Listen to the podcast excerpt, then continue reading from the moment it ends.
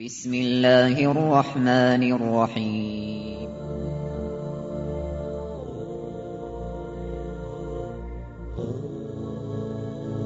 الرحمن العزيز الرحيم القوي السلام الكريم العظيم البصير العليم الحكيم الجبار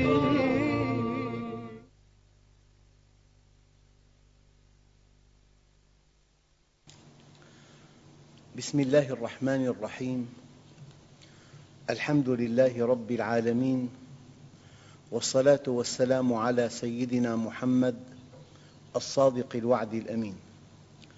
اللهم أخرجنا من ظلمات الجهل والوهم إلى أنوار المعرفة والعلم ومن وحول الشهوات إلى جنات القربات. أيها الإخوة الكرام لا زلنا في اسم المهيمن. والمهيمن كما تبين في الدرس السابق هو الذي لا يخفى عليه شيء في الأرض ولا في السماء. لا يخفى عليه شيء في الأرض ولا في السماء. والمهيمن هو القادر على تحقيق مصالح من يهيمن عليهم. قدرة علم وقدرة قوة. قدرة علم وقدرة قوة. والمهيمن إليه المصير. إليه مصير كل شيء. أيها الأخوة مع الآيات القرآنية. الله عز وجل يقول له معقبات من بين يديه ومن خلفه يحفظونه من أمر الله. أية حركة؟ أية سكنة؟ أية كلمة؟ أي موقف؟ أي عطاء؟ أي منع؟ أية صلة؟ أية قطيعة؟ له معقبات من الملائكة. من بين يديه ومن خلفه يحفظونه من أمر الله. لأنه لا يخفى عليه شيء في الأرض ولا في السماء. المعنى الآخر يعلم ما يلج في الأرض وما يخرج منها. إن الله لا يخفى عليه شيء في الأرض ولا في السماء. مهيمن. والله بكل شيء عليم. بكل شيء عليم. عليم علما مطلقا. علم تعلق بكل ممكن. أيها الأخوة قادر قدرة علم وقدرة قوة. يا أيها الذين آمنوا اذكروا نعمة الله عليكم.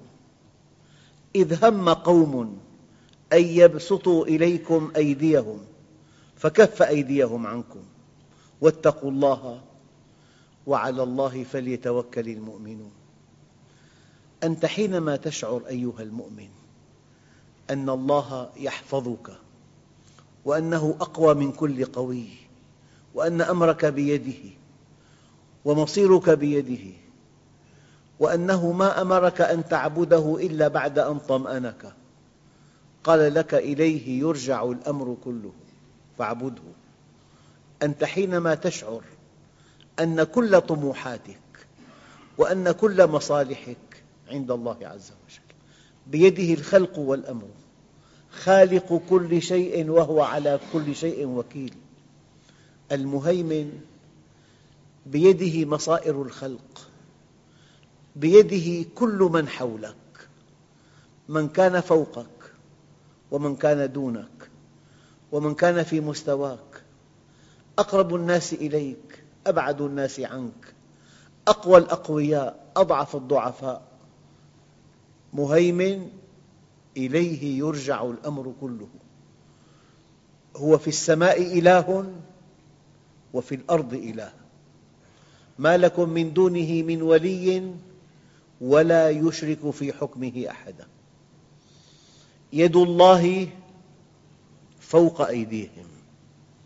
هؤلاء الأقوياء الذين يتوهم عامة الناس لضعف إيمانهم وضعف توحيدهم أن الأمر بيدهم. هذا نوع من الشرك. كيف يأمرك أن تعبده وقد أسلمك إلى غيره؟ كيف؟ قال لك إليه يرجع الأمر كله. فالمهيمن نهاية العلم يعلم ما يلج في الأرض وما يخرج منها. المهيمن لا يخفى عليه شيء في الأرض ولا في السماء. المهيمن والله بكل شيء عليم. الآن قادر.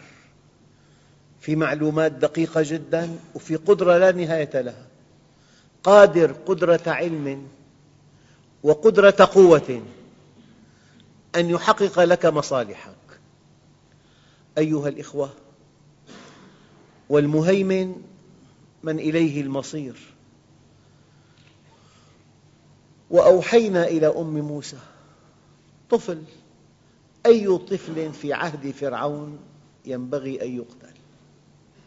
وأوحينا إلى أم موسى أن أرضعيه دقق فإذا خفت عليه فألقيه في اليم. شيء يدعو للعجب. فإذا خفت عليه فألقيه في اليم. يعني هذا الصندوق يتحرك بأمر الله. ولا تخافي ولا تحزني. إنا رادوه إليك وجاعلوه من المرسلين. المصير بيده. طفل صغير. طفل صغير. في صندوق. في نهر يتحرك بأمر الله. ساقه الله إلى قصر فرعون. وأوقفه عند غصن. وألقى في روع أم امرأة فرعون أن انزلي إلى الشط. فتحت الصندوق رأت طفلا جميلا. ألقى حبه في قلبها. لا تقتلوه. عسى أن ينفعنا. مهيمن. يعني تروي الروايات أن فرعون رأى أن طفلا سيقضي على ملكه. قضية سهلة جدا.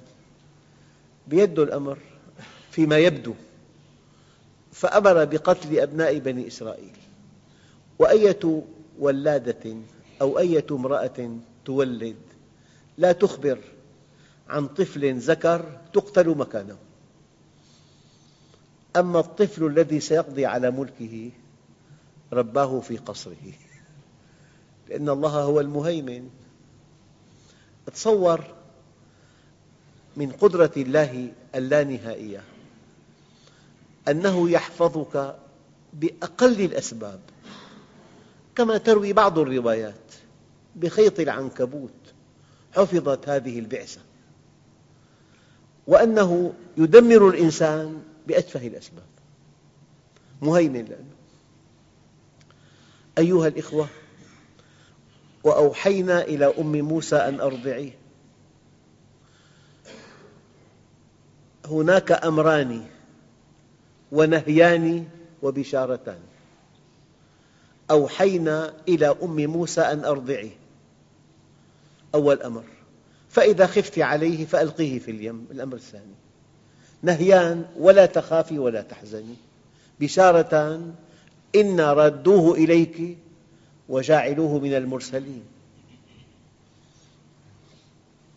الآن من فروع اسم المهيمن أن هذه الهيمنة هيمنة حب وشفقة. هيمنة حب وشفقة.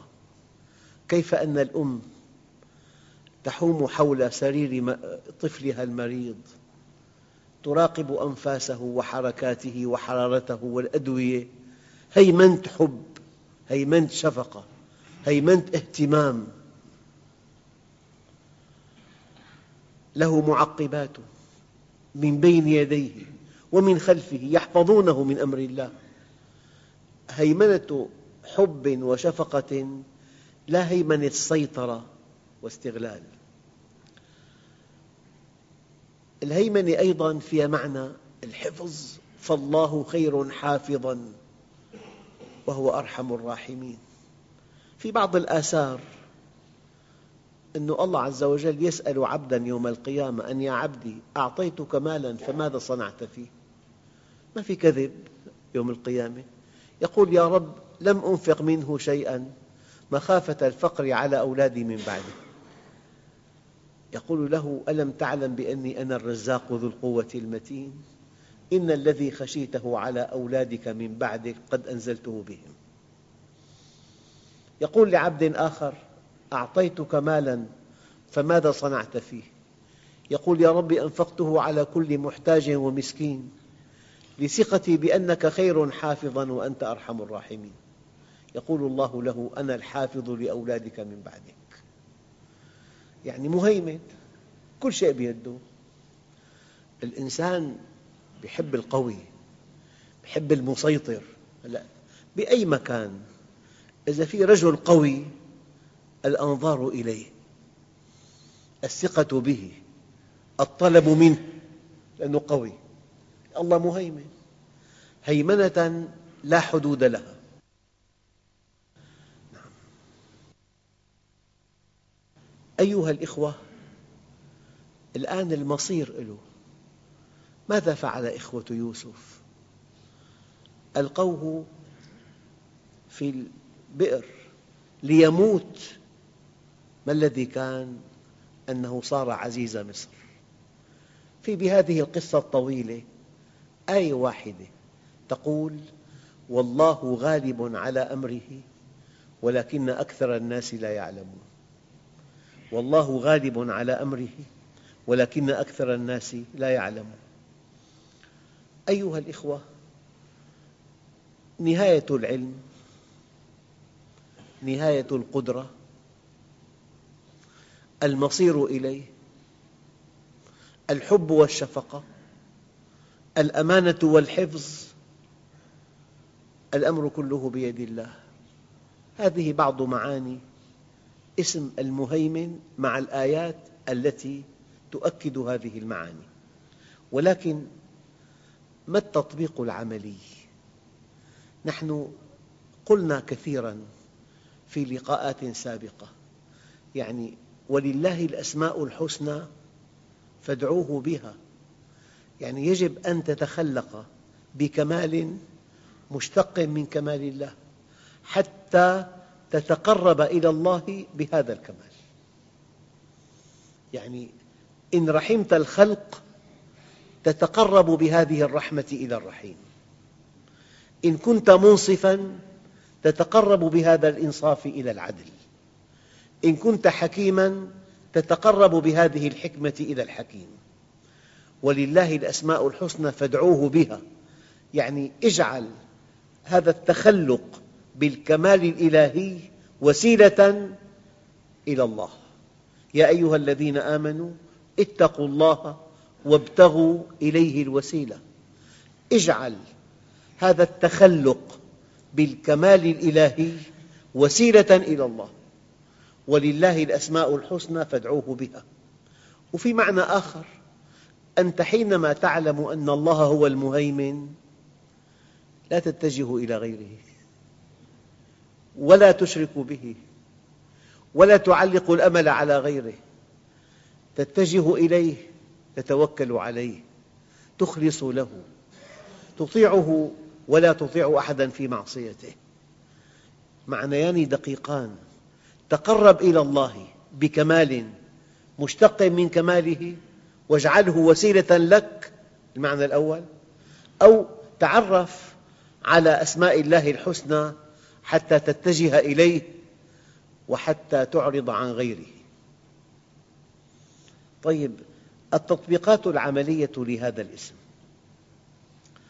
إذا كنت في موقع قيادي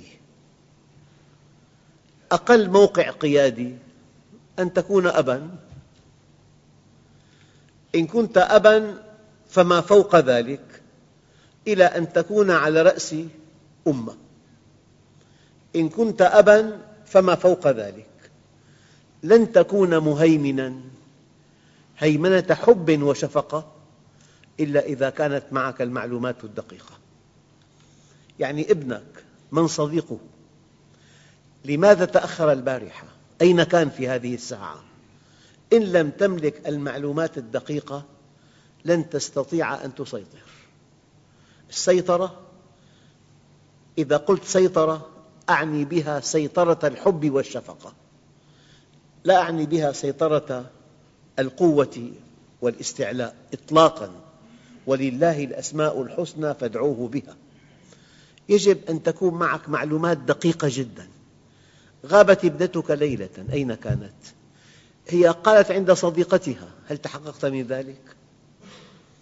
لن تستطيع أن تربي أولادك إلا إذا ملكت المعلومات الدقيقة الدقيقة جدا. أيها الأخوة النقطة الدقيقة هنا أن المعلومات الصحيحة أساس القرار الصحيح. وأي قرار خاطئ هذا القرار مستند إلى معلومات غير صحيحة.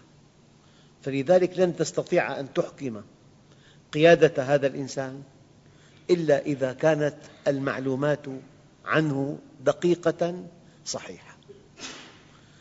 الآن يسموه تقصي الحقائق. قبل أن يتخذ قرار ترسل لجان إلى موقع المشكلة لتقصي الحقائق. عود نفسك. أن تتقصى الحقائق. قال سننظر أصدقت أم كنت من الكاذبين؟ هذه صفة يحتاجها أولياء الأمور. يحتاجها أي إنسان في أي موقع قيادي. والأب بموقع قيادي. والمعلم بموقع قيادي. لا بد من تقصي الحقائق. لا بد من معلومات صحيحة. هذا أول تخلق بهذا الاسم. إنسان تجري من تحته المياه وهو لا يدري. هذا لن يكون مهيمنا إطلاقا على أسرته. شيء آخر يعني مثلا النبي عليه الصلاة والسلام قال لا تقتلوا عمي العباس في موقعة بدر. عمه العباس مقيم في مكة. يعني في صحابي قال أينهانا عن قتل عمه؟ وأحدنا يقتل أباه وأخاه. الصحابي. ثم تبين أن عمه العباس كان مسلماً وكان عينه في مكة في قيادة ذكية جدا. يعني أي قرار يتخذ في مكة عمه العباس ينقله له. فيعلم ما عند الطرف الآخر. فقيادة النبي كانت ذكية جدا. فكان العباس قد أسلم إسلاما حقيقيا. وقال له ابقى في مكة. الآن جاءت موقعة بدر. دقق. إن لم يشارك كشف نفسه وانتهت مهمته. إذا العباس سيشارك في المعركة من جهة قريش. والنبي إن قال عمي لقد أسلم. كشفه وانتهت مهمته. الثانية. لو سكت لقتلوه. فأعطى توجيه مختصر. ولا يضاف عليه ولا كلمة. لا تقتلوا عمي العباس. فهذا الصحابي الذي قال أينهانا عن قتل عمه؟ وأحدنا يقتل أباه وأخاه؟ كشفت له الحقيقة هذا الصحابي. يقول هذا الصحابي ظللت أتصدق عشر سنين. رجاء أن يغفر الله لي سوء ظني برسول الله. ظللت أتصدق عشر سنين. رجاء أن يغفر الله لي سوء ظني برسول الله. يعني قيادة حكيمة. لا بد من معلومات دقيقة. أنا أخاطب الآباء. لماذا أكثر هذا الطفل أو هذا الطالب اللقاء مع هذا الطالب بالذات. المعلم يجب أن يكون دقيقاً هي ظاهرة هي ما وراءها. لعل وراءها انحراف. لا بد من أن تكون المعلومات عندك صحيحة. أيها الإخوة وإذا كنت في موقع قيادي يقتضي ذلك المتابعة. أعطيت أمر. إن لم تتابع هذا الأمر لا قيمة لهذا الأمر. بالدول النامية أوامر لا تعد ولا تحصى. كلها لا تنفذ. أيها الإخوة إذا المتابعة من خصائص المهيمن والمعلومات الدقيقة من خصائص المهيمن. الآن إن لم تكن أعلم ممن حولك لن تهيمن. يعني طبيب من الدرجة العاشرة لن يستطيع أن يدير مستشفى فيها عمالقة من الأطباء. أقل علما منهم. لذلك الله عز وجل قال الرجال قوامون على النساء بما فضل بعضهم على بعض.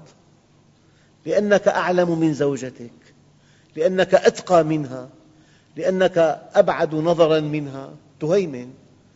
أما إن لم تكن متعلما وهي متعلمة هي المهيمنة. لا بد إن أردت أن تقود مجموعة أن تكون فوقهم علما وتقا وورعا وقدرة. والآية دليل.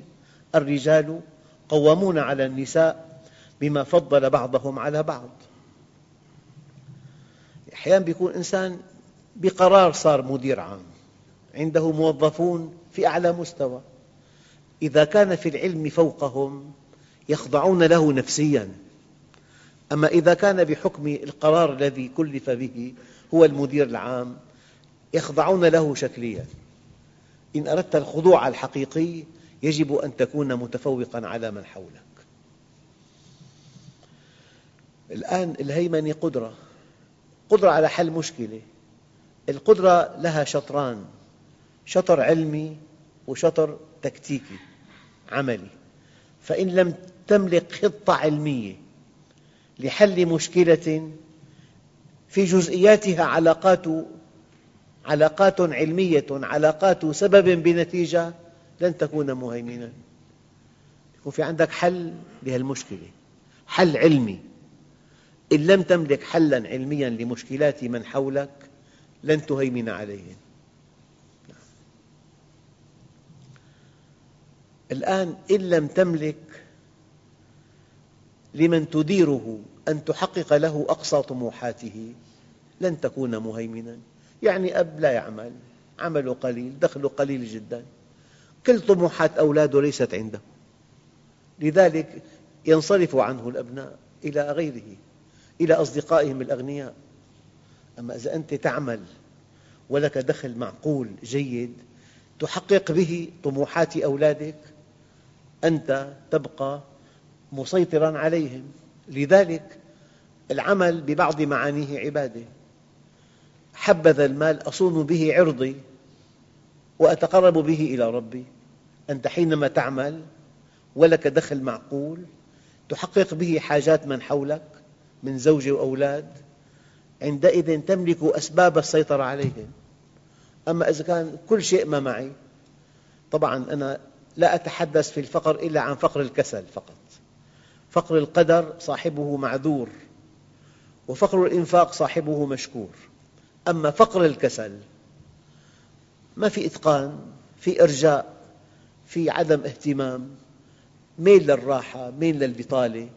هذا الإنسان يكون فقيراً فقر كسل فهذا لن يستطيع أن يربي أولاده. الآن إن لم تكن العلاقة بينك وبين من تديره علاقة حب وشفقة لن تهيمن. يعني بعض البلاد أمريكا أول دولة سابقاً في صناعة السيارات وأول دولة في استهلاك السيارات. فوجئت بعد حين أن كل عشر سيارات بأمريكا ثمانية صنع اليابان. في مشكلة كبيرة جداً. أرسلت وفود إلى اليابان لتقصي الحقائق. فالإجابة كانت عجيبة جدا. الفرق ليس فرق تقني فرق اجتماعي. يعني العامل هناك له صفات وله خصائص لا يملكها العامل في بلاد الغرب. مضمون مستقبله. يعد صهر صاحب المعمل. له حصة من الأرباح. لا يسرح العامل هناك. فهذه الضمانات الاجتماعية.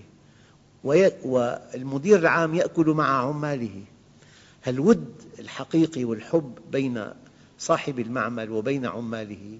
هذا سبب إتقان العمل. هي قاعدة.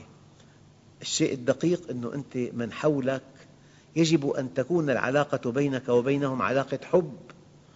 تقدير احترام مو علاقة قهر وهيمنة وخضوع. لذلك لا بد من أن تكون العلاقة بينك وبين من تديره علاقة حب. لن تكون مهيمنا إلا إذا شعر من حولك أن مصالحه معك. يعني في تجربة ببلد إسلامي في ماليزيا هناك مؤامرة لضرب عملتها.